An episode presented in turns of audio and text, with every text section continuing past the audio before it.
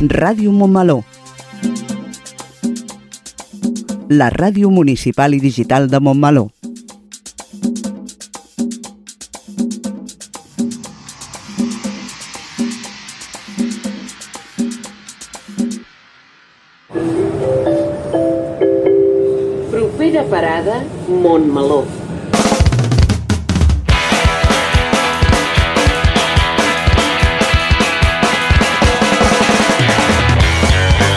Montmeló sona.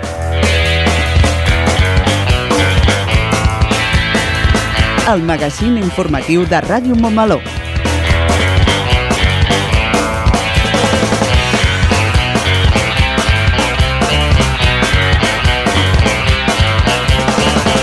Molt bon dia a tothom. Avui és divendres 23 de juny de 2023 i comencem una nova edició del Montmeló Sona.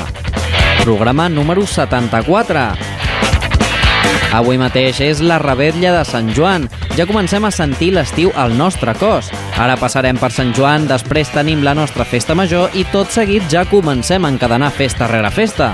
Tots tenim ganes ja de coca, de Sant Joan i de la festa del foc, però també de vacances, de platja i de piscina.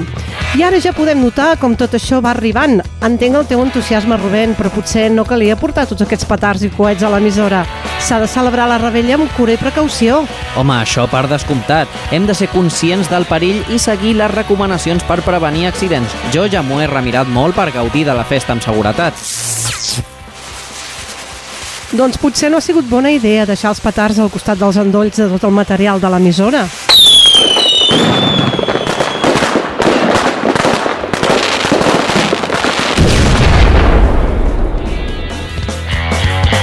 Montmeló Sona és el magazín informatiu setmanal de Ràdio Montmeló, coordinat per l'equip de comunicació de l'Ajuntament.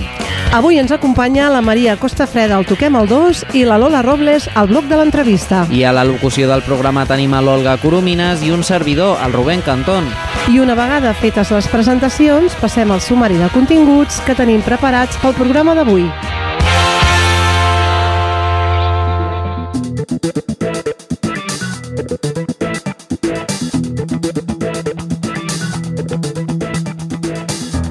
Comencem amb el Toquem el 2, on la Maria Costafreda parla amb l'Andreu Agustín, director del Centre LGBTI de Barcelona, sobre l'orgull de barri.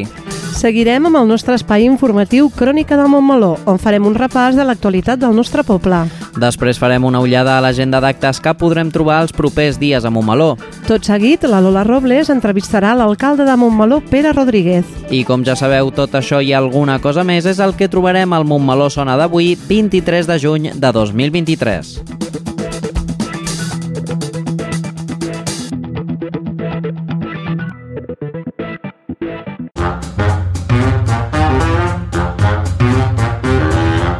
Montmeló sona, el magazín informatiu de Ràdio Montmeló.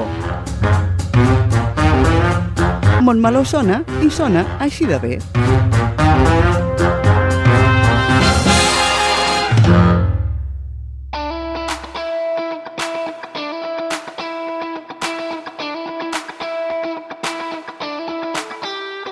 Una setmana més, des del Toquem al 2, us fem recomanacions per tal de que podeu gaudir d'un cap de setmana diferent.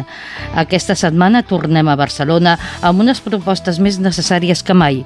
Com ja sabreu, el 28 de juny es commemora el Dia Internacional de l'Orgull LGTBI i amb aquest motiu Barcelona ha organitzat una sèrie d'actes i activitats com ara l'Orgull de Barri i l'Orgull de Museus, amb exposicions, visites i tallers que es reinterpreten les col·leccions amb la perspectiva de la diversitat sexual, afectiva i de gènere, com la natura, els esports o la creació artística, d'entre d'altres. Enguany participen en aquesta iniciativa impulsada des del Centre LGTBI, el Museu Olímpic de Barcelona, el Museu Nacional d'Arts de Catalunya, el Museu Marítim de Barcelona o la Fundació Joan Miró, d'entre d'altres.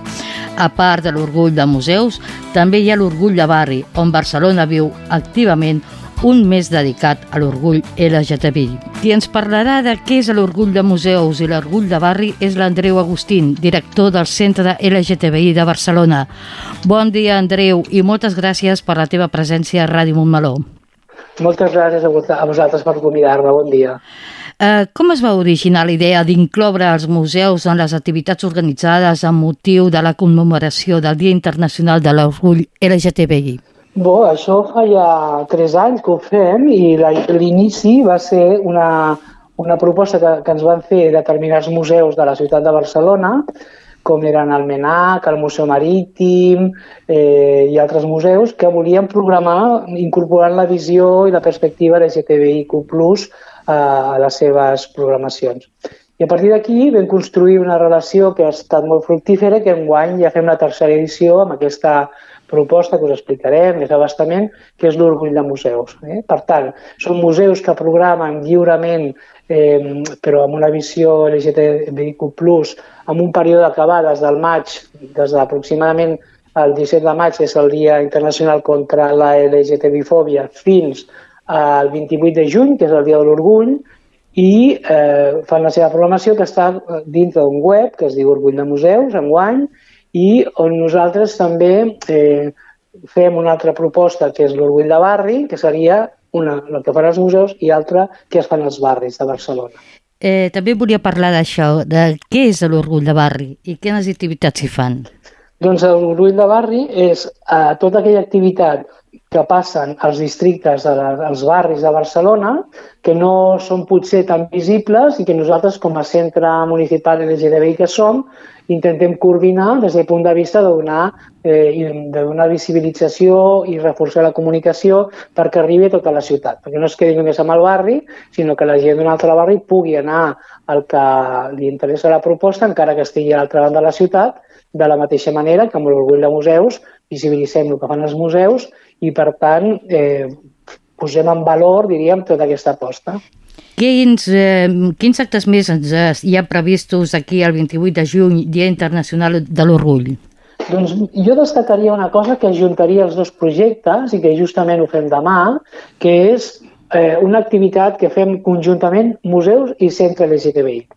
I concretament és una marató de projectes. Demà farem una jornada tècnica, una jornada adreçada a persones que programen de centres cívics, eh, casals de barri, centres culturals, bueno, tothom que s'hi ha volgut apuntar, on farem una marató tan esportiva on s'explicaran molt breument 12 projectes que 6 seran de museus i 6 seran de, de gent dels barris per posar-nos en contacte i començar a reflexionar què podem fer conjuntament. Això seria una de les activitats que fem eh, com a centre. Llavors, d'orgull de barri o d'orgull de museus, jo recomano que mireu el web, que és, eh, es diu així, orgull de museus o orgull de barri, i hi ha coses molt diverses. Si anem a, pensem en museus, hi ha des d'unes, eh, per exemple, exposicions que fan sobre SABE a CDCB, hi ha una, una sèrie d'activitats que fa el MANAC, hi ha el que fa el Museu Marítim, Museu de Ciències Naturals, vull dir, hi ha moltes, moltes, moltes, moltes activitats. Eh?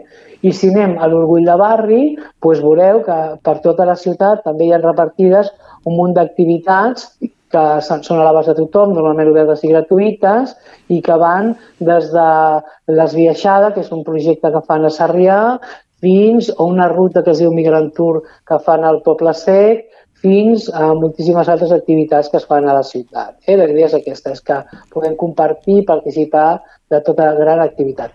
D'activitats de, de barri hi ha aproximadament unes 100. També si aneu al web veureu que hi ha dues destacades, però darrere n'hi ha moltes més activitats. Mm -hmm. Què és l'Orgullosa? I l'Orgullosa és la festa que fa l'Ajuntament i que serà el dia 28 de juny, coincideix amb el dia precís de l'orgull eh, LGTBI, i és una festa que, que justament avui ha sortit la programació i és un, un concert. Un concert que es farà al Moll de la Fusta, que està obert a tothom i que eh, d'alguna manera clou aquesta, aquesta sèrie d'activitats que comença al, al juny i comencem amb la festa que fem nosaltres, al Centre LGTBI, i hi ha tota aquesta explosió constant d'activitat durant, durant tot el mes als districtes i el dia 28 l'Ajuntament eh, programa una festa que si mireu al web, heu sortit avui, podreu veure actuacions com des de El Niño de Elche, Tanchungueiras, Pudochino Maricón, Futuroa, Panda Walk, una sèrie Ken Pollek, molt, molt, molts, i moltes artistes que eh, actuaran al Moll de la Fusta el dia 28 a la nit. Uh -huh. Andreu, una pregunta gairebé obligada. Com viviu el col·lectiu LGTBI l'entrada de l'extrema dreta a les institucions? Doncs molt malament. Imaginem. I, i així de clar, perquè crec que s'ha fet un, un, un camí molt, molt, molt eh, avançat. Vull dir que eh, el Centre Municipal LGTBI, per exemple, és el primer centre d'aquestes característiques a l'estat espanyol, eh, va néixer l'any 19. Nosaltres atenem unes 500 persones eh, anualment, el qual és una ràtio molt alt eh, a nivell personal, no? en, a través de l'equip d'atenció social que tenim, i persones que venen a realitzar activitats diverses poden, poden passar com entorn a les 10.000 a l'any. Per tant, queda demostrat que és un, un servei necessari i útil per a les persones. I a més està obert a tota la ciutadania, no només al col·lectiu LGTBI. Llavors, clar, algunes de les, eh, no sé, per dir-ho suau, propostes que fa l'extrema dreta van amb el, contra, contra el, contra el sentit comú i posant en qüestió situacions que algunes d'elles s'ha avançat molt, encara que hi ha molt per fer. Hi ha molta violència encara dintre del col·lectiu, molta agressió, per tant, doncs, la veritat és que és molt preocupant, no? O sigui, és com visualitzar que estem en una situació o que tot és força fluid i que coneixem moltes realitats diferents entorn a la vivència afectivo-sexual i de sobte s'imposa com un model bueno, ja no, ni, ni decimonònic, o sigui, una cosa que és feixista. Mm -hmm. Sí, sí, sem dubte. Eh, què us diries als montmelonins i montmelonines per tal de que vagin a Barcelona a gaudir de l'orgull de museus, l'orgull de barri i de l'orgullosa? Bueno, que esteu convidats, convidades, convidadis, que Barcelona és la capital de Catalunya, per tant, Montmeló i Barcelona estan molt propers i també és una possibilitat de fer un dia de festa. Jo crec que eh, tant que, aquestes tres propostes, no? l'Orgull de Barri, de Museus o l'Orgullosa, mostra també un aspecte que també és del col·lectiu, que d'alguna manera és un aspecte festiu, creatiu, alhora que reivindicatiu, i és una molt bona oportunitat per, per venir a Barcelona, que estic segur que a Montmeló també teniu molta activitat i que, bueno, compartir eh, projectes i visions diferents sempre és enriquidor. Doncs hi serem, hi serem presents. doncs moltíssimes gràcies a Andreu Agustí per atendre la trucada de la Ràdio Municipal de Montmeló. Moltíssimes gràcies a vosaltres, estem aquí per el que vulgueu i molt, molt coratge i endavant i que, i que visca l'orgull i la reivindicació. Visca. Moltes Visca. gràcies, Andreu. minutos y aún estoy por arreglarme Maquillo, pillo el móvil, la cartera y voy pitando Amb l'Andreu Agustín ja toquem el dos per avui. No oblidem mai que els intolerants no tenen cabuda en una societat diversa, plural i de progrés. Disfruteu de la rebella amb precaució i bon cap de setmana.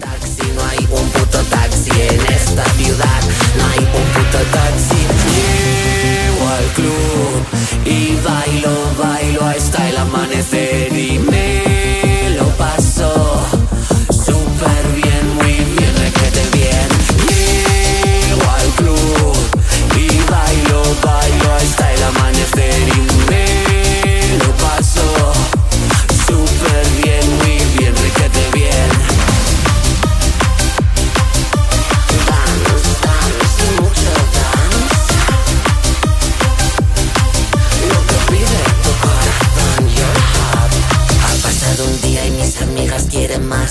móvil reventado con más de 3.000 mensajes. Cuando, cómo, dónde, dime hora, con quién vas. Yo lo flipo, estas chicas son un grupo de salvajes. No hay un taxi,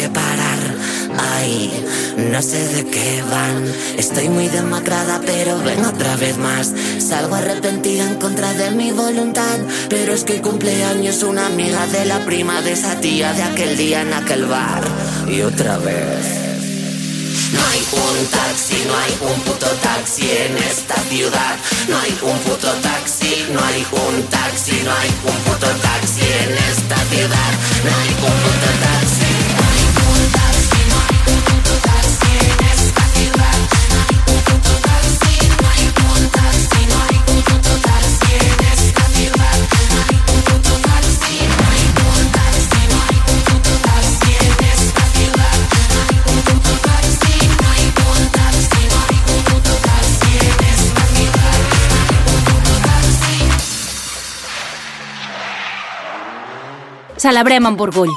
Jo celebro que sóc la Marta. I jo l'Àlex. I jo l'Emi. Jo celebro que sóc el Quim.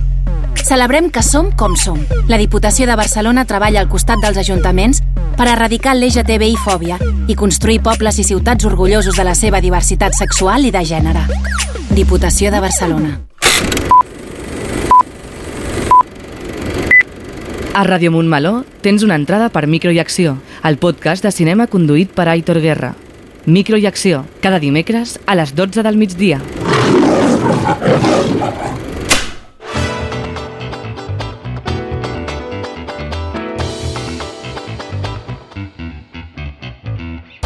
Entrem en el nostre bloc informatiu Crònica de Montmeló i donem pas, una vegada més, a les notícies locals més destacades d'avui, divendres 23 de juny de 2023, Rebetlla de Sant Joan. Aquest és el sumari. Pere Rodríguez va prendre possessió del càrrec d'alcalde per a la legislatura 2023-2027. Montmeló aposta per un Sant Joan festiu i respectuós. Dilluns 19 de juny inicia la nova temporada d'estiu amb unes piscines renovades. Prop d'un milió d'euros dels fons Next Generation per la promoció de 43 nous habitatges de lloguer social. Conveni per impulsar la construcció de nous habitatges al municipi. Lliurament d'orles de l'Ins Montmeló.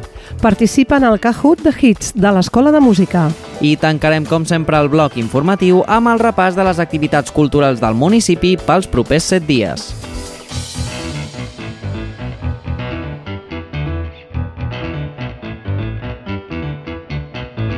Després de la celebració de les eleccions municipals del dia 28 de maig, dissabte 17 de juny es va celebrar el ple de Constitució de l'Ajuntament pels 4 anys vinents. A la sessió extraordinària, els 13 regidors i regidores van jurar o prometre el càrrec i van votar qui havia de ser l'alcalde de la legislatura entrant. El ple de possessió celebrat aquest passat 17 de juny a la sala de la Concòrdia de l'Ajuntament de Montmeló va investir a Pere Rodríguez del PSC com a nou alcalde de Montmeló. Rodríguez és l'alcalde de Montmeló des de juliol de 2018 i aquesta és la seva tercera possessió del càrrec. En el seu discurs d'investidura, l'alcalde Pere Rodríguez va agrair als companys actuals i als companys que havien estat a l'Ajuntament fins ara, a les persones que l'havien acompanyat en la candidatura i al partit per la confiança per posar-lo al capdavant. Els regidors i regidores que acompanyen a l'alcalde Pere Rodríguez en aquesta nova legislatura seran Ariadna Ojeda, Imanol Martín, María Jesús Prieto, Antoni Gil, Tamara Hernández i Laurea Ortega del PSC. Marcel Comas, Alba Serrano i Estefania Navarro de Canviem Montmeló. Pep Benac i Sílvia Guerrero de Fem Montmeló. I Didac Santi Esteban de Junts per Montmeló. L'alcalde de Montmeló, davant els riscos derivats de les rebetlles i per tal de que Montmeló es pugui celebrar un Sant Joan per tothom, cívic i respectuós amb totes les persones, en especial les més sensibles i els animals, han fet un ban per limitar els horaris de llançament de petards i recomanant l'ús de petards lluminosos en comptes de petards sonors. En el ban es demana a la ciutadania que extremi la precaució amb els articles pirotècnics per evitar accidents, així com evitar molèsties als nadons, gent gran i persones sensibles, així com els animals de companyia i amb l'objectiu de fer Sant Joan una festa per a tothom. Es permet fer ús de pirotècnia els dies 23 de juny de les 18 hores fins les 23.59 hores, el dia 24 de juny des de les 12 de la nit fins les 3 de la matinada i el dia 28 de juny de les 18 hores fins les 23.59 hores, a no menys de 500 metres de distància de zones forestals o arbrades. Queda prohibit fer fogueres en tot el terme municipal. No s'autoritzarà cap foguera a excepció de la que està autoritzada a la Cucurni durant la celebració de la Rebella de Sant Joan. Encendre petards al mobiliari urbà, contenidors, papereres, bancs, fanals ni elements de la via pública, clavegaram, escocells, jocs infantils, arbrat, vegetació... Fer fogueres sense autorització i fer ús de petards, coets i altre material pirotècnic fora de l'horari i dies autoritzats es considera una infracció lleu i podrà ser sancionada amb una multa de fins a 750 euros, d'acord amb els articles 115, 127 i 133 de l'Ordenança Municipal dels Espais Públics i de Civisme. En cas d'emergència, cal trucar al telèfon 112. Al banc també es poden trobar consells per a l'adquisició i ús de material pirotècnic i el podeu consultar a la web de l'Ajuntament. El darrer projecte de reforma de les piscines s'ha fet en tres fases. La primera fase es va dur a terme l'estiu passat i va consistir en la renovació de la gespa i de l'arbrat i el soterrament de les bombes d'aigua. Aquest any s'ha realitzat la segona part que ha consistit a disposar d'aigua salada. Per això s'han canviat les canonades, els filtres i la depuradora. Aquest canvi permetrà evitar problemes de pell per a usuaris i fer un espai més sostenible i respectuós amb el medi ambient. La tercera fase es farà el proper any i consistirà en la millora dels vestidors i la zona del bar, tant la terrassa com la coberta. El cost total del projecte, tenint en compte les tres fases, puja a uns 650.000 euros. La piscina municipal de Montmeló ha obert les portes al públic el 19 de juny, de dilluns a diumenge de 10 a 20 hores, i tancarà la temporada el 3 de setembre. Del 8 de juliol al 26 d'agost també obrirà els divendres i dissabtes de 9 del vespre a 12 de la nit. Recentment, l'Ajuntament de Montmeló ha estat adjudicatari d'una subvenció de prop d'un milió d'euros dins del programa 6 del Pla de Recuperació, Transformació i Resiliència del Fons Next Generation per a la construcció de 43 nous habitatges destinats al lloguer social. Aquests habitatges s'emplacen a la Ronda Turó de la Bandera i aniran destinats principalment al lloguer per joves. Actualment es disposa d'un projecte bàsic i durant els propers 5 mesos es durà a terme la redacció del projecte executiu per tal d'iniciar les obres abans de finalitzar l'any 2023. Està previst que les obres durin uns 24 mesos. Per tal d'entomar aquesta actuació, l'alcalde Pere Rodríguez ha signat amb el president de la Coordinadora de Fundacions, Promotores i Gestores d'Habitatge Social de Lloguer de Catalunya, Cohabitac, un conveni marc per tal de desenvolupar tant el projecte com la construcció i la posterior gestió del lloguer dels nous habitatges. Aquests habitatges de lloguer dotacional se sumen als 18 nous habitatges emplaçats al carrer Poeta Maragall, promoguts per l'Incasol i que tenen previst el seu inici de l'obra a l'octubre d'aquest any. El passat dia 21 de juny, l'alcalde Pere Rodríguez va signar un conveni amb la directora general de l'Incasol, la senyora Maria Cisternes, per tal d'activar el desenvolupament del sector urbanístic PA21 del carrer Escultor Llimona. Es tracta d'un sector discontinu de propietat pública de l'Ajuntament i l'Incasol, amb una centralitat estratègica capdalt pel futur del municipi, ja que es troba a les zones del carrer Girona i explanada de l'Escorxador, adjacents amb dues a la llosa del ferrocarril i, per tant, connecten amb la integració de les obres de soterrament. Aquest conveni permet que l'Ajuntament prengui la iniciativa en el desenvolupament del sector, començant per la licitació del projecte d'urbanització per tal de possibilitar la construcció de 163 nous habitatges, dels quals 65 seran de protecció pública i 98 de lliure. Segons van manifestar amb dos responsables, la voluntat és destinar el 60% del sostre generat a habitatge de lloguer i el 40% restant a la venda d'habitatge en règim de protecció oficial. L'aprofitament urbanístic del sector corresponent a l'Ajuntament serà utilitzat per dur a terme la rehabilitació energètica i millora paisatgística dels dos edificis del carrer Escultor Llimona. Aquest conveni s'emmarca dins de l'objectiu polític de l'equip de govern de fer front a la forta demanda d'habitatge tant en règim de lloguer com de compra. Tres alumnes de batxillerat rebran beca per la matrícula del primer curs de la universitat. El passat divendres, 9 de juny, va tenir lloc, un any més, la celebració de l'acte de reconeixement als mèrits acadèmics i el lliurament d'orles a l'alumnat de segon de batxillerat i a l'alumnat de cicles de formació de perruqueria i estètica, que aquest curs deixen l'Institut de Montmeló.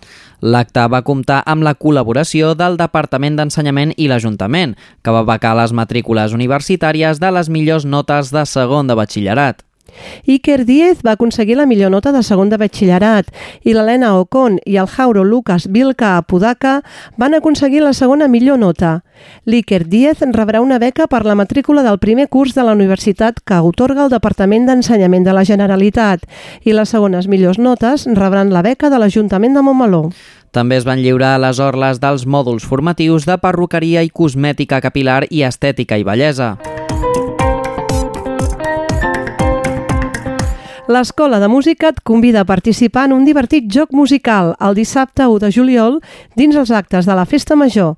Vine a la Sala de la Concòrdia i demostra els teus coneixements musicals. Durant aquest curs, l'alumnat de l'Escola Municipal de Música han realitzat una secció mensual en aquest programa, el Montmeló Sona, presentant i explicant un hit musical de tots els temps. En total han estat 8 grans èxits. Ara et proposen que vagis en família a la Concòrdia, dissabte dia 1, després després de la Rosada i la migdiada a les 17.30 hores i que participis en el Kahoot de Hits de l'Escola de Música. Es tracta d'un concurs on hauràs de respondre preguntes sobre temes musicals que l'alumnat de l'Escola de Música han presentat al llarg de l'any. Escolta els podcasts de Ràdio Momaló des de la nostra web i dissabte 1 porta el teu mòbil per participar activament en el Kahoot i encerta les preguntes que es faran. Compten els encerts i la rapidesa. Serà molt divertit. Vine amb la família.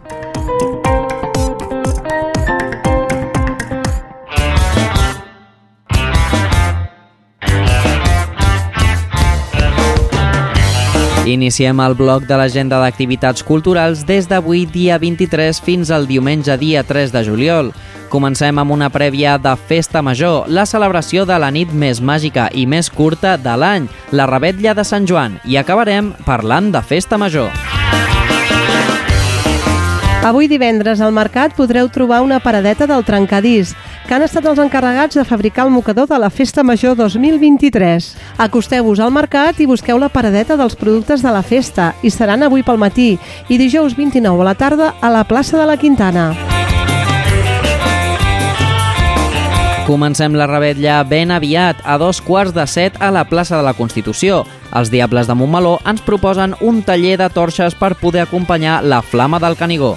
A dos quarts de nou del vespre, a la plaça de la Vila, rebrem la Flama del Canigó, que serà portada per Òmnium Cultural i es farà un seguici fins a la Cucurni, acompanyats de les colles infantil i joves dels Diables de Montmeló. El recorregut del seguici serà plaça de la Vila, avinguda Pompeu Fabra, plaça de Sant Isidre, carrer Pobilla i arribada a la plaça de la Constitució. A les 9 del vespre, encesa de la foguera amb la flama del Canigó i lectura del manifest. A dos quarts de deu, sopar popular de la colla de Diables. A la mateixa plaça trobaràs taules i cadires per poder sopar el teu propi menjar o bé comprar un entrepà o pinxos al bar dels Diables. I a partir de les 10 de la nit, rebella musical amb el trio de Chofers i el grup de versions Banda Viruji. Per Sant Joan, rebetllat, però fes-ho amb precaució.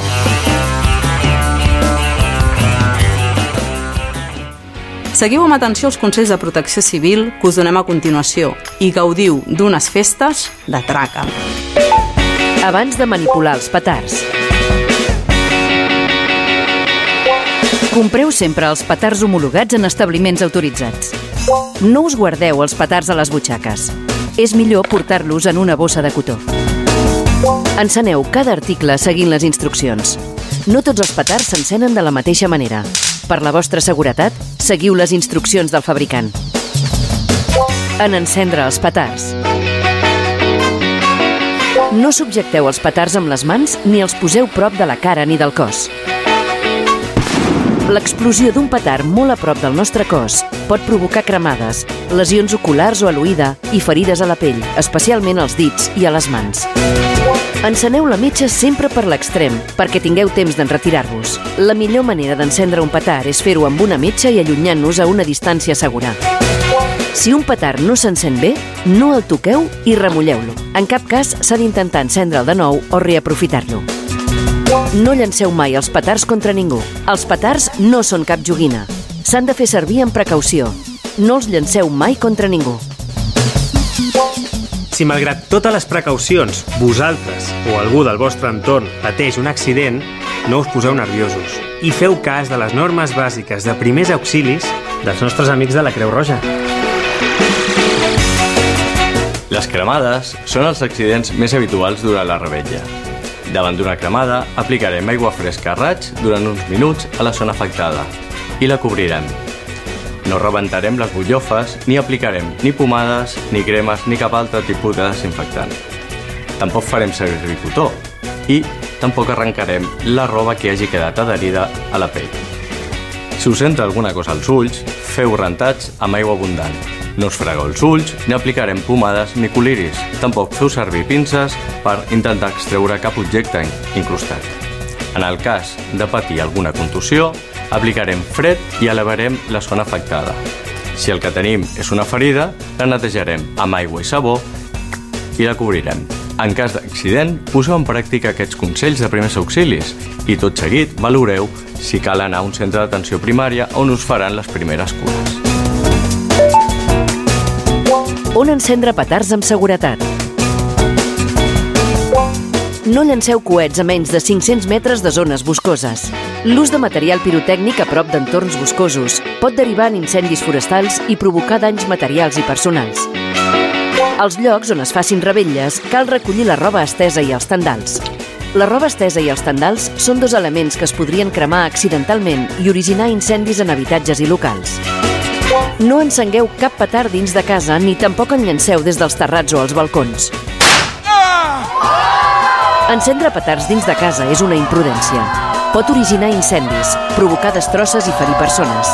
Igualment, llançar-los des d'un terrat o un balcó pot provocar danys materials i personals. Consells per encendre fogueres. Primer, necessiteu demanar permís per fer-la. Segon, no cremeu papers que volen ni pneumàtics que contaminen. Ja sé que ve molt de gust cremar els apunts de tot l'any, però si els voleu perdre de vista, millor que els llanceu al contenidor blau. I tercer, feu-la sobre paviments de sorra. Com per exemple a la platja o al desert del Sàhara. Però sempre demanant permís, eh? No es poden fer fogueres a qualsevol lloc ni de qualsevol manera. Informa't de les mesures de seguretat que hauràs d'adoptar. Distàncies de seguretat. Mantingueu les distàncies de seguretat mínimes quan llanceu un petard. Home, això ja se sap, no? O sigui, encens el petard, t'allunyes una miqueta i ja està. Doncs no. Existeix una taula que determina la distància que s'ha de mantenir respecte d'un petard encès. Abans d'encendre un petard, hem de llegir les instruccions de la capsa. Els petards es classifiquen en tres categories i aquesta ens indica l'edat i la distància de seguretat. Tenim la F1, que és a partir de 12 anys i hem d'estar a un metro de distància. La F2, que és a partir dels 16 anys i hem d'estar a 8 metres de distància. I la F3, que és a partir dels 18 anys i hem d'estar a 15 metres de distància. M'ha quedat claríssim.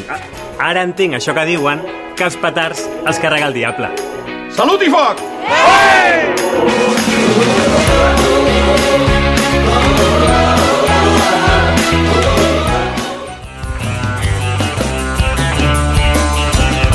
Entre festa i festa, dilluns 26 de juny, a partir de dos quarts de set de la tarda a la sala la Concòrdia, ple extraordinari de sorteig dels membres de les meses electorals per a les eleccions generals del dia 23 de juliol.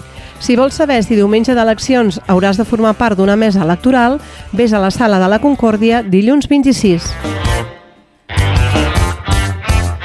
Tot seguit, una segona sessió extraordinària del ple per donar compte de la nova composició del govern municipal. Des del passat 17 de juny, quan l'alcalde va prendre possessió del càrrec, ha estat adoptant tot un seguit de resolucions sobre el funcionament i govern del nou Ajuntament. Totes aquestes resolucions calen donar compte al ple per posar en coneixement de la resta de la corporació i de la ciutadania. Dijous 29 de juny torna la Festa Gran de Montmeló, amb un programa ple d'actes i activitats per a tothom, cultura popular, música, circ, activitats familiars, esport, foc i molt més. Descobreix totes les activitats al programa d'enguany, que es comença a repartir a les cases avui. Com ja és tradicional, la festa iniciarà oficialment el dijous 29 de juny amb el toc d'inici, un acte on les colles i elements de cultura popular de Montmeló surten al carrer per fer un lliurament i homenatge al pregoner de la festa major, que serà secret fins que no es descobreixi durant el toc d'inici ceremoniós a la plaça de la Vila. No hi ha festa sense la seva dosi de foc, menjar i música, així que un cop acabat el toc d'inici de la festa, començarà de la millor manera amb el 25è correfoc de la colla de Diables de Montmeló, el sopar popular de la penya blaugrana i un concert a la plaça de la Quintana amb la mitjanit, que ens portarà la festa i l'alegria cantant i ballant les cançons dels teus grups preferits. Divendres 30 de juny viatjarem al Far West amb un nou mercat de xauxat del Sig Esplayat que convertirà la plaça de la Vila i l'Avinguda Pompeu Fabra en un escenari de pel·lícula del Clint Eastwood amb un munt de proves pels més petits i la ja mítica prova de la rata. A la tarda, les corals de Montmeló pujaran a l'escenari per oferir-nos el millor del seu repertori. La coral del Casal de la Gent Gran i la coral Montmeló de la Grupa a la Sala de la Concòrdia i el cor de Gospel a la Sala Polivalent. Per una altra banda, podeu anar a passar la tarda en família a la plaça de la Quintana amb l'Escape Room Qüestió de Temps i el meravellós espectacle de circ i baldufes Poi de la companyia d'Astro, un viatge d'embolics i girs que fusiona les arts del circ amb el popular joc de la baldufa i les arrels de la cultura mediterrània. La música tornarà a ser la protagonista de la nit, amb l'orquestra Gerún de l'Embalat de la Quintana i la Clarence Becker Band als Jardins de la Torreta, que arriben a Montmeló després d'haver recorregut tot el món amb la veu profunda, magnètica i vibrant del Clarence, el seu cantant. Al punt final, a una de les nits més trapelles de l'any, el posarà la DJ de moda, el panorama musical català, la DJ Trapella. Aquest any, a causa de les mesures de prevenció per combatre la sequera, la festa major s'ha hagut de plantejar reduint al màxim possible l'ús d'aigua. Però això no vol dir que no puguem gaudir d'un matí passat per aigua. El dissabte 1 de juliol a les 11.30 s'estrena l'activitat al Rebombori, a la piscina municipal. Et podràs remullar a la piscina amb una gran festa plena d'activitats per tota la família amb l'animació i la música dels germans Callau. Després de remullar-nos, no hi ha festa major sense la seva rossada popular. Enguany es farà al carrer Folk i Torres, just davant de les piscines. Aquest any anirà a càrrec de Paelles Belarte i els tiquets es podran reservar prèviament al Centre Cultural La Torreta o entrapolis.com fins al dia 30 de juny. El mateix dissabte també es vendran tíquets de forma presencial des de les 10 del matí a la Casa d'Entitats del Centre Cultural La Torreta. A la tarda i nit del dissabte també es podrà gaudir de dues de les activitats de cultura popular més boniques de la festa major.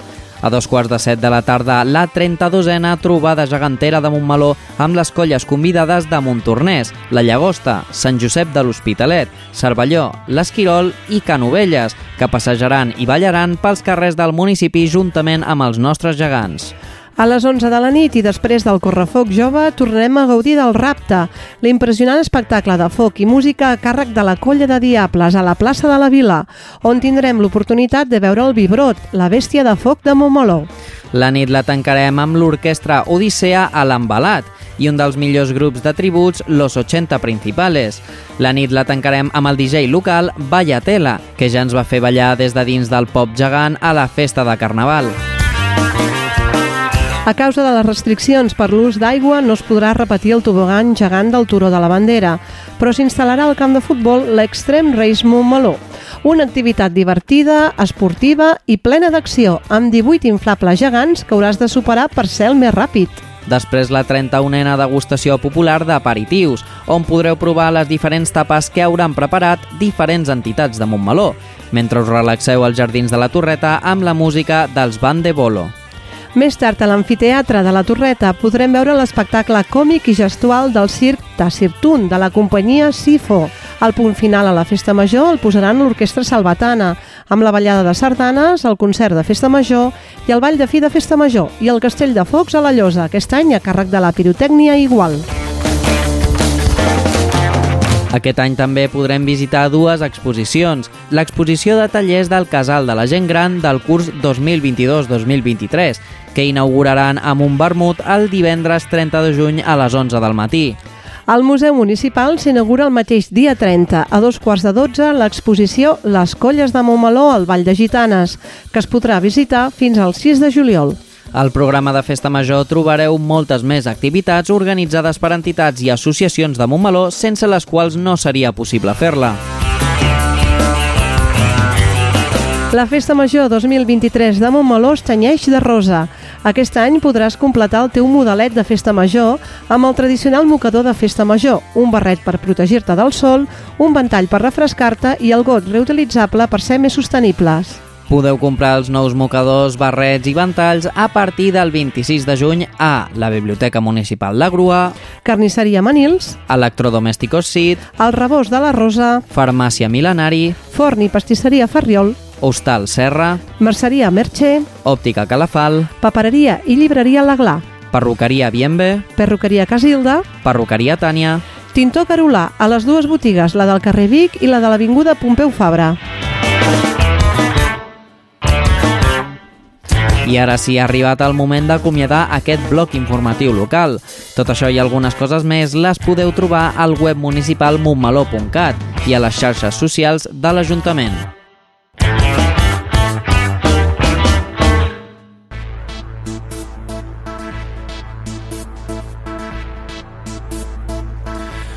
Soy de Verdicio, nací a la vera del Cabo Peñes, junto a la mar.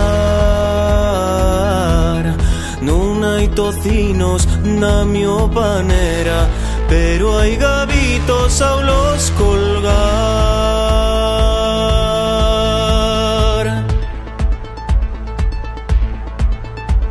Despierto al riscar el alba, tiro un blinco del xergón y voy a cogerles verdes pa' echar con faves y con yacón. Si una vez o dos o tres Bajo a la villa al mercado Todos me miren de yao Y dicen niña que guapa yes Tienes el Ritmo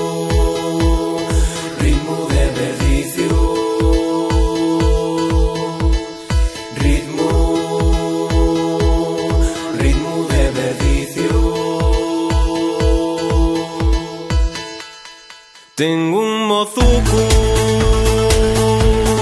que me cortesia y que me plica fa y me rabiar. Y al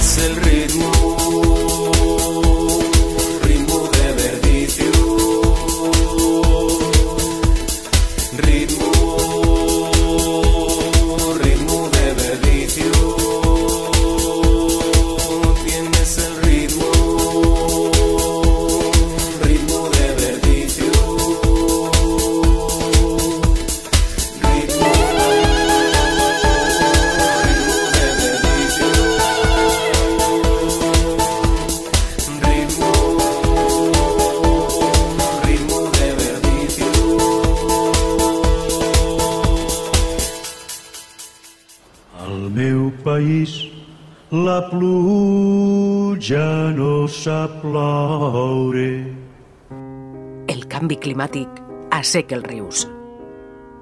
Posa en risc l'abastament d'aigua i la producció d'aliments. Treballem per fer front a la sequera i garantir l'aigua, però cal l'esforç de tothom. Cada gota compte La pluja no la controles, l'aixeta sí. Generalitat de Catalunya. Descobreix el patrimoni del nostre municipi amb el Pol Castejón i la Maria Antònia Carrasco. Patrimon. El primer dilluns de cada mes a les 12 del migdia.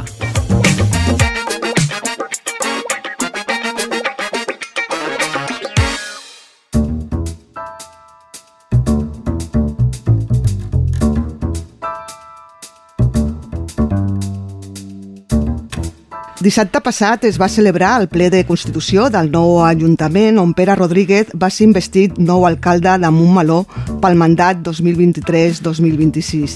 Després que el partit dels socialistes guanyés per majoria absoluta les eleccions municipals del passat 28 de maig. Per parlar de com encara en aquesta nova legislatura tenim al Montmeló d'avui a l'alcalde del nostre municipi. Bon dia, Pere. Molt bon dia. Primer de tot, felicitats per la teva reelecció com a alcalde. Moltes gràcies. Uh, Pere, aquesta és la seva tercera posició del càrrec com a alcalde. Com es planteja afrontar aquest nou mandat? Quins són els principals objectius i prioritats per a la gestió municipal? Doncs eh, són dues preguntes. La primera, crec que un mai s'acostuma a aquestes coses. El 2018 vaig prendre possessió en substitució de qui era l'alcalde llavors, que és l'Antoni Guil. El 2019 va ser com a resultat de, de les eleccions municipals i com a, com a cap de llista de la força més votada i ara aquest 2023 torna a ser per aquest motiu, perquè sóc hem estat la força més votada, aconseguint la majoria absoluta i per tant doncs, prenc possessió com a alcalde per aquesta, per aquesta circumstància.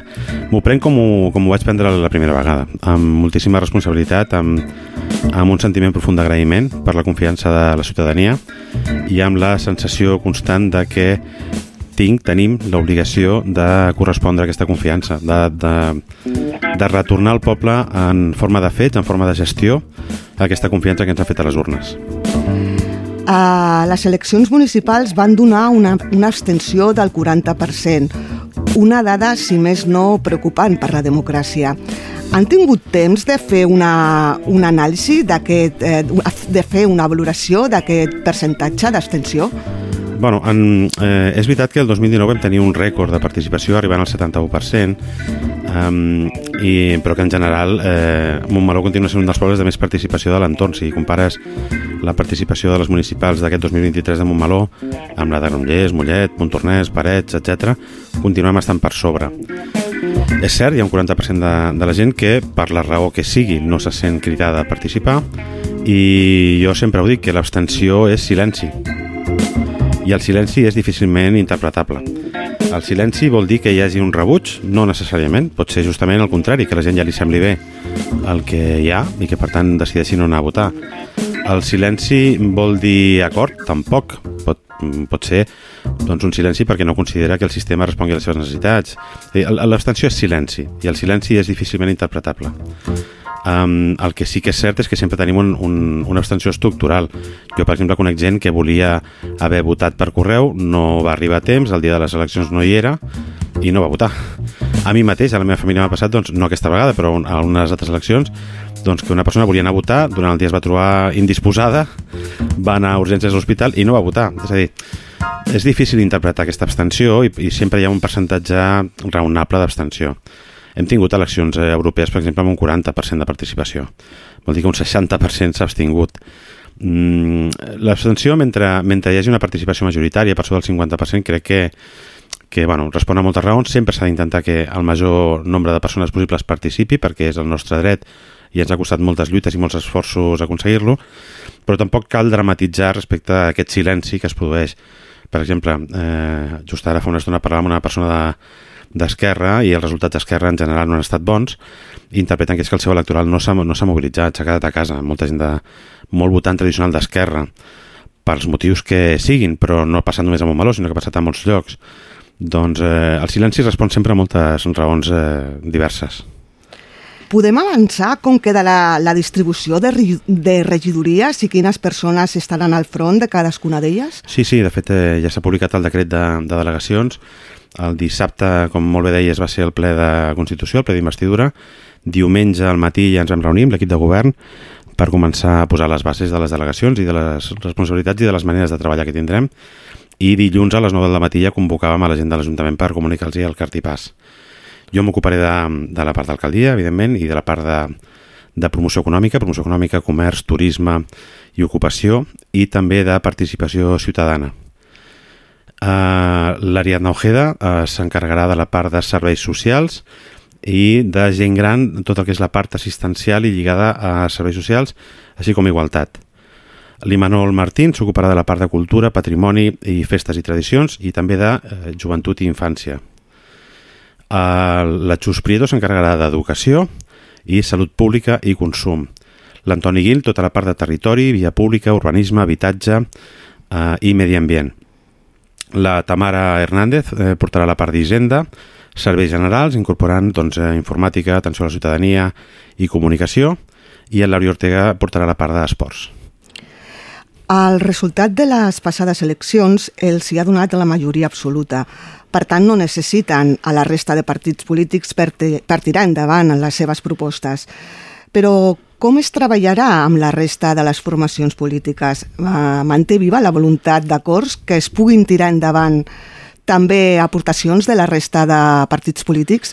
Sí, sempre ho hem fet. De fet, eh, Um, el, el Partit dels Socialistes de Catalunya Montmeló no és la primera vegada que té una majoria absoluta l'havíem tingut el 2003, l'havíem tingut el 99 l'havíem tingut amb anterioritat i sempre hem volgut ser generosos amb l'acció de govern generosos perquè creiem que eh, en la mesura en què s'incorporen al màxim de d'opinions eh, al govern, les decisions s'enriqueixen i representen a més ciutadans i per tant la nostra voluntat, el nostre tarannà serà el de mm, dialogar amb la resta de grups polítics per prendre sempre que sigui possible per consens la, la major part dels, dels acords eh, polítics.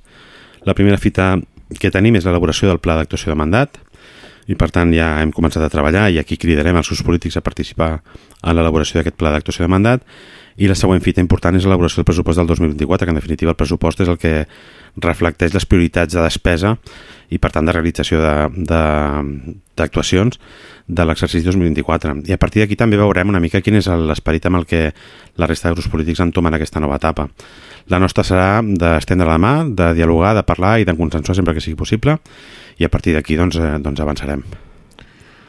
Com planella abordar els desafiaments que afronta el municipi en termes d'infraestructura, serveis públics i desenvolupament econòmic? Doncs eh, amb esforç i amb, i, amb, i, amb, i amb treball, que és com, com, eh, com ho hem fet i com ho sabem fer.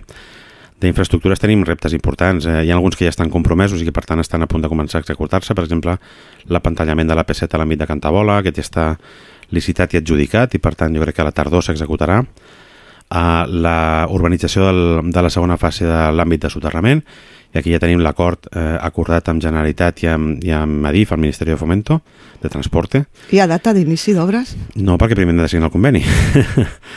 Però el conveni tenim redactat i acordat i per tant es tracta, recordem que el finançament d'aquesta obra ve a càrrec del Ministeri i que l'acord final és que eh, un cop la Generalitat rebi el traspàs de, de fons del Ministeri si ens, eh, ens traspassa a nosaltres aquesta quantitat de diners perquè siguem nosaltres els que licitem i executem l'obra.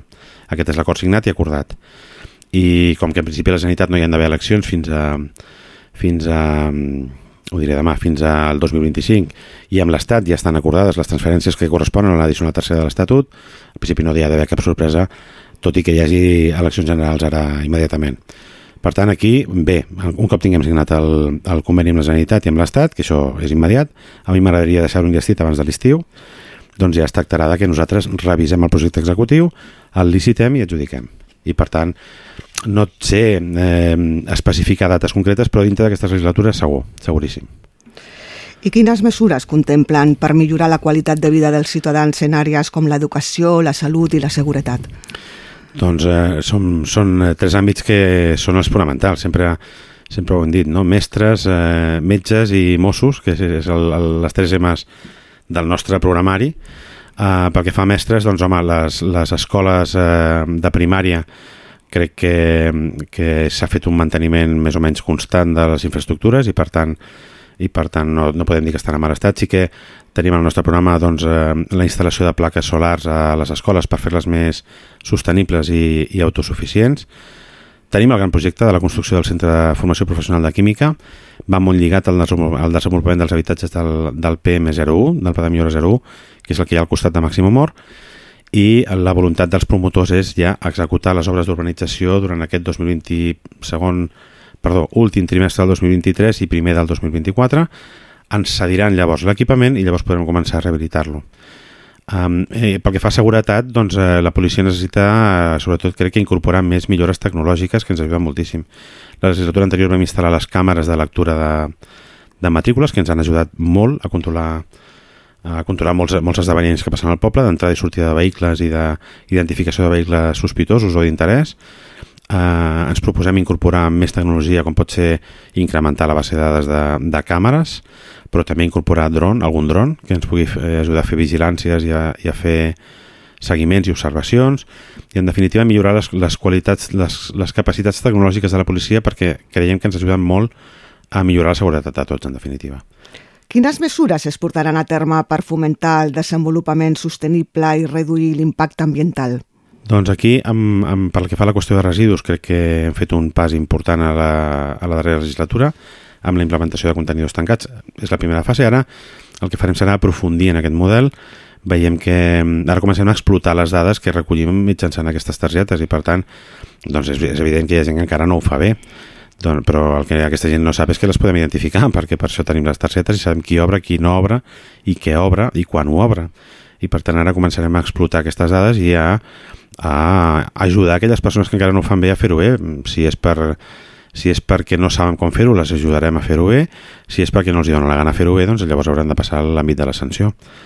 Um, a partir d'aquí, doncs, millorar la... serem prova pilot d'un nou model de deixalleria, que anirà lligat a les targetes que fem servir per obrir els contenidors, tindrem deixalleria mòbil, i per tant aprofundirem en el tractament dels residus. Això pel que fa a la part de residus que possiblement és la més quotidiana i la més normal, no?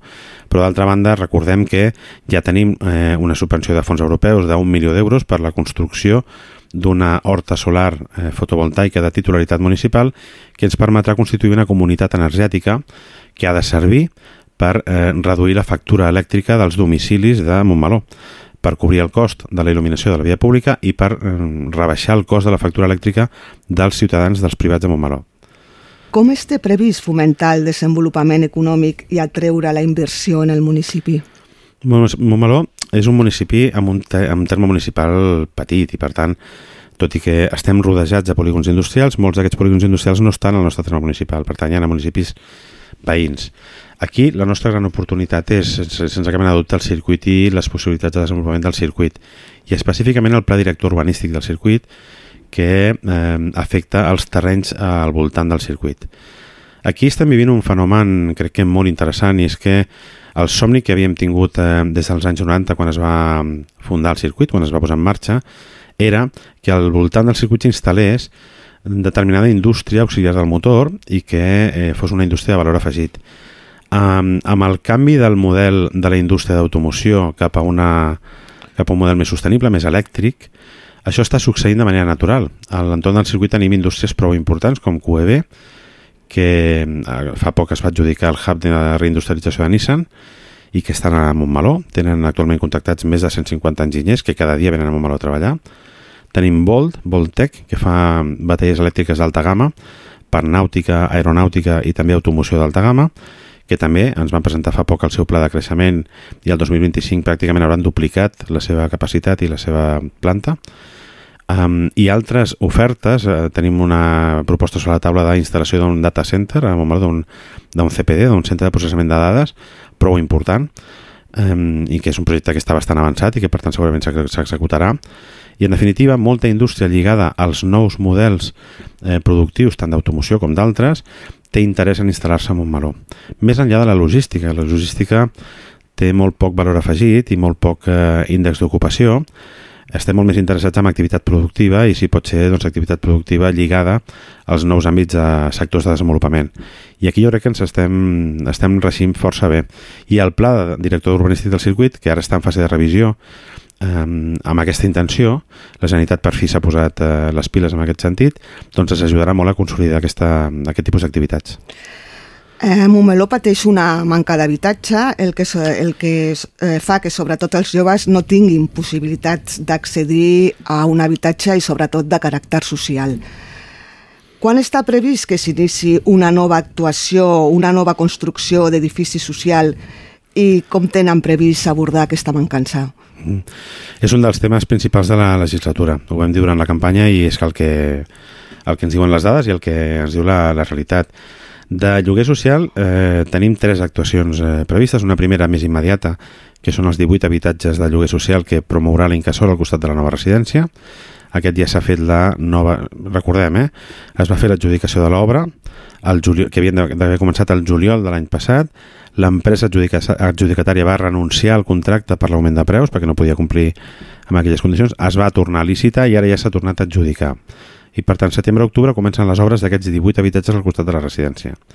Ahir mateix vam signar conveni amb, amb Cohabitac, que és la, eh, la fundació que aglutina les cooperatives d'habitatge social de Catalunya per desenvolupar 43 habitatges de lloguer social també al sector nord, entre perquè ens entenguem, entre el Pau Casals i el carrer Ayrton Senna, un terreny que tenim delimitat d'equipaments i, i habitatge, doncs allà aniran 43 més. Ahir vam signar el conveni amb, la, amb Cohabitac. Cohabitac ara, dintre de les cooperatives que formen part d'aquesta fundació, eh, ens dirà quina és la cooperativa d'habitatge que ho fa. Aquest és un projecte que també està finançat per fons europeus i per tant tenim pràcticament 1.200.000 adjudicat per aquesta promoció de 43 habitatges de lloguer.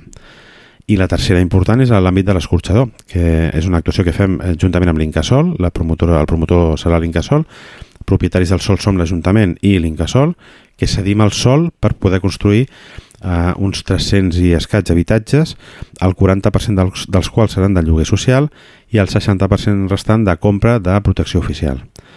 Per tant, només amb aquestes tres actuacions ja estem, estarem desenvolupant en torn a un centenar d'habitatges de lloguer social i eh, en torn a 250 de compra de protecció oficial. Tenint en compte més que falta per desenvolupar el PM01, que abans he fet referència, i aquí són uns 400 habitatges, dels quals un 40% serà de compra de protecció oficial, i tot el PA18, que són els terrenys de l'àmbit de soterrament a la tercera fase, que aquí també serà una promoció que farem amb l'Incasol i que es desencallarà quan haguem finalitzat la segona, i que també, eh, aquí la intenció és que també tot sigui de protecció oficial, tota la promoció sigui de protecció oficial. Pel que fa al tema de salut, una de les reivindicacions dels ciutadans és que es torni a reobrir el servei d'urgències nocturnes del CAP.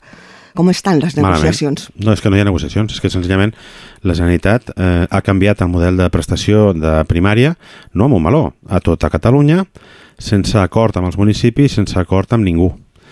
Uh, les urgències nocturnes vull recordar que no només estan tancades a Montmeló, estan tancades a Montmeló, estan tancades a Parets, a Montornès, a Mollet, a, a, a tot arreu, és a dir, han tancat les urgències nocturnes a tot arreu, aprofitant la pandèmia, argumentant que eh, no són rendibles i han centralitzat tota l'atenció d'urgències amb un CUAP, que és un centre d'urgències eh, bueno, el qual, on estava l'antiga policlínica a Granollers, que és qui dona servei d'urgències a tota la comarca i el 061, i per tant si tens una urgència nocturna truques al 061 i algú et vindrà a atendre. Ahir un, un ciutadà de Montmeló m'explicava que ha tingut una urgència aquest cap de setmana, que va trucar perquè la seva, la seva senyora va caure i van trigar una hora a venir. No és un tema de Montmeló, és a dir, eh, quan dius com estan les negociacions, és que eh, és, és vergonyós que Montmeló haguem recollit 3.600 i escaig signatures presentades per registre d'entrada del Departament de Salut i que no haguem tingut ni resposta. Ara mateix aquest tema està al síndic de Greuges. Per tant, a través del Consell de Poble, aquestes signatures i la queixa de no resposta per part de la Generalitat està presentada al síndic de Greuges. A mi em sembla que ens estan que ens estan, eh, en general, la ciutadania, eh, no parlo només de Montmeló, parlo de la ciutadania de Catalunya. L'atenció primària eh, està passant a tota Espanya, si ho veieu. Eh? Fa poc va haver-hi vagues a, diversos, a diverses comunitats, també a Catalunya, eh, perquè estan desmuntant l'atenció primària i han començat per les urgències, però tenim dificultats perquè hi hagi pediatres, tenim dificultats perquè els professionals de la sanitat es vulguin dedicar a l'atenció primària per les condicions laborals. I per tant... I molts dels que estan, Clar, eh, estan estan, cremats, saturats, estan, estan cremats. cremats. Jo ara acabava de parlar amb una persona i em deia que, bueno, que no aguanten més. Clar, llavors, eh, és que necessitem un govern de la Generalitat que es prengui seriosament l'atenció primària. No només les urgències, l'atenció primària. Perquè la sanitat pública és la sanitat de tots, és la sanitat dels que no tenen recursos per poder-se pagar una sanitat privada. Tot això va començar amb un exercici de privatització que es va fer en els governs d'Artur Mas, de la, de la privatització de la- l'atenció primària.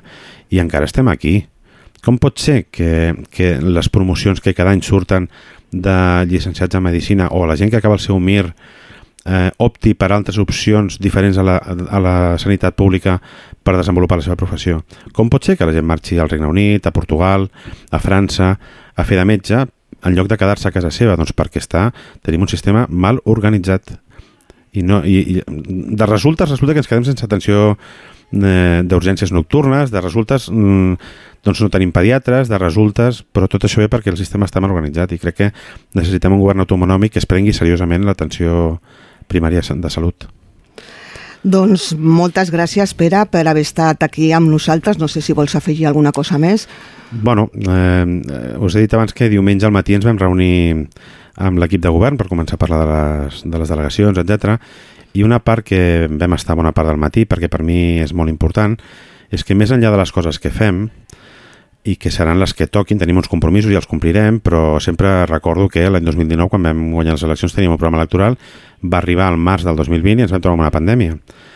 I vam haver d'actuar d'acord amb la situació de cada moment. Doncs, més enllà de les coses que farem, per mi és molt important com les fem. I, per tant, el que sempre li he dit al meu equip és que hem de treballar amb humilitat, eh, fent la feina ben feta, amb empatia, escoltant tothom i propers a tothom, i amb ambició per Montmeló i amb, amb ganes de treballar i, que no ens, i, i de ser ambiciosos amb allò que proposem i volem per Montmeló. I això és el més important. Després complirem els nostres compromisos, però si per la raó que fos no els poguéssim complir, aquests pilars seran bàsics, la humilitat, l'empatia i l'ambició pel nostre poble. Doncs moltes gràcies de nou, un plaer i molta sort en el nou mandat. Moltes gràcies, Lola.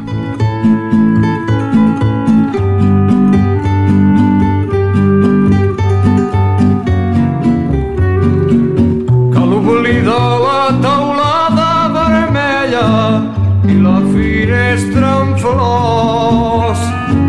L'escala fosca i l'imatge vella que s'amagava en un racó. I el llit de fusta negra i foradada i els teus llençols tan nets i la riba suau d'una matinada que et desperta més vell.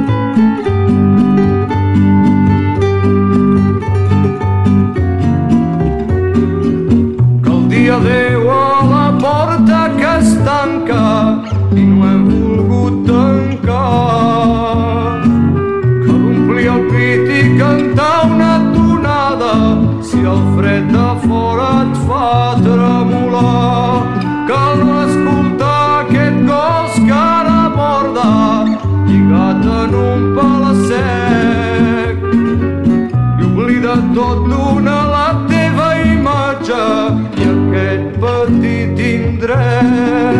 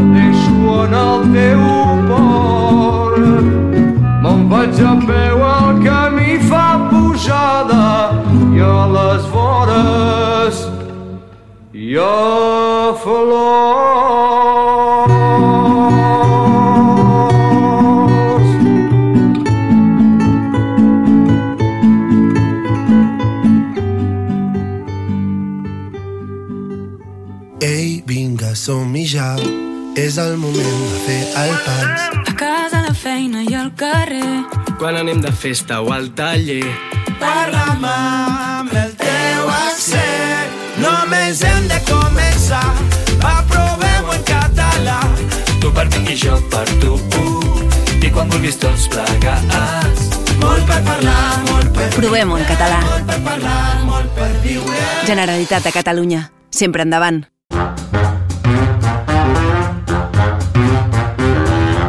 Montmeló sona, el magazín informatiu de Ràdio Montmeló. Montmeló sona i sona així de bé.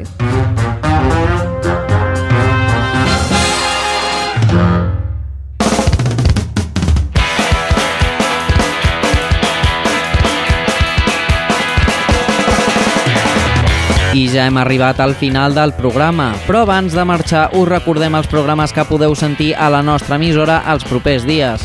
Demà mateix, dissabte 24, a les 12, tenim l'última edició de la temporada del programa de les escoles de primària del nostre municipi. Els infants també parlen, s'acomiada per aquesta temporada i agafa forces per tornar al pròxim curs.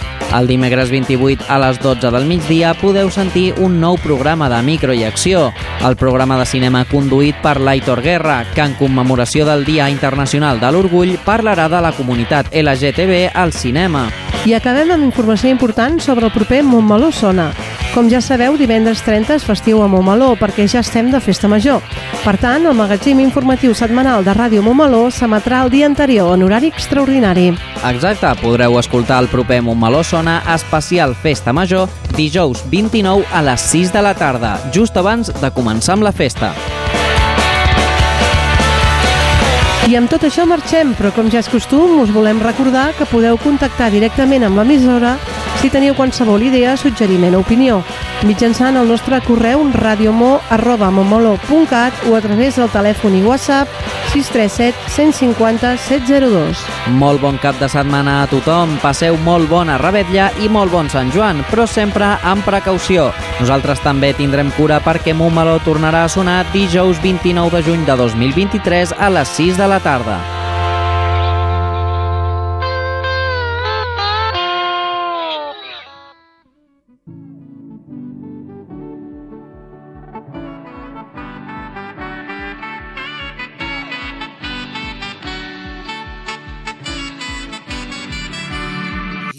Una festa com Déu mana. Ahir hi havia els Strombers tocant en un poble de gent de puta mare. I era la nit de Sant Joan.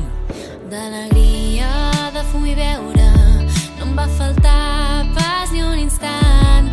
I ben d'hora, ritme de rumba, un es va anar despullant. La nit de Sant Joan és nit d'alegria. Doneu-me xampany,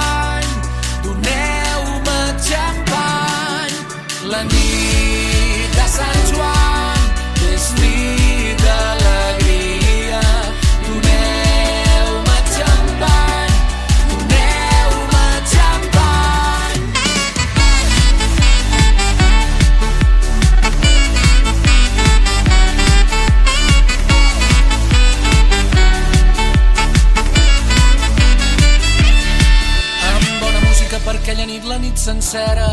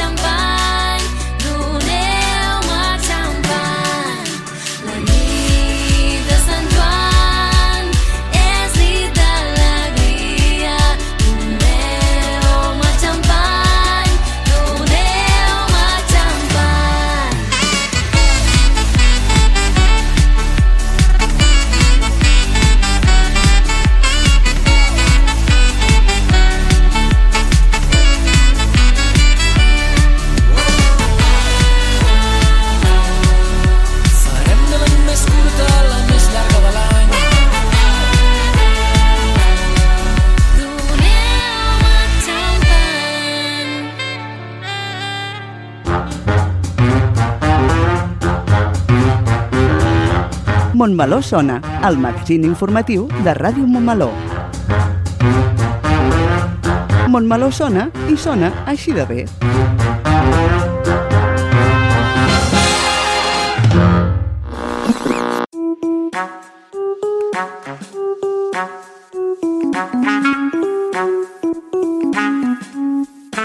Ràdio Montmeló. Sintonitza'ns al web radiomontmeló.cat i a través de les xarxes d'Instagram, Facebook i Twitter.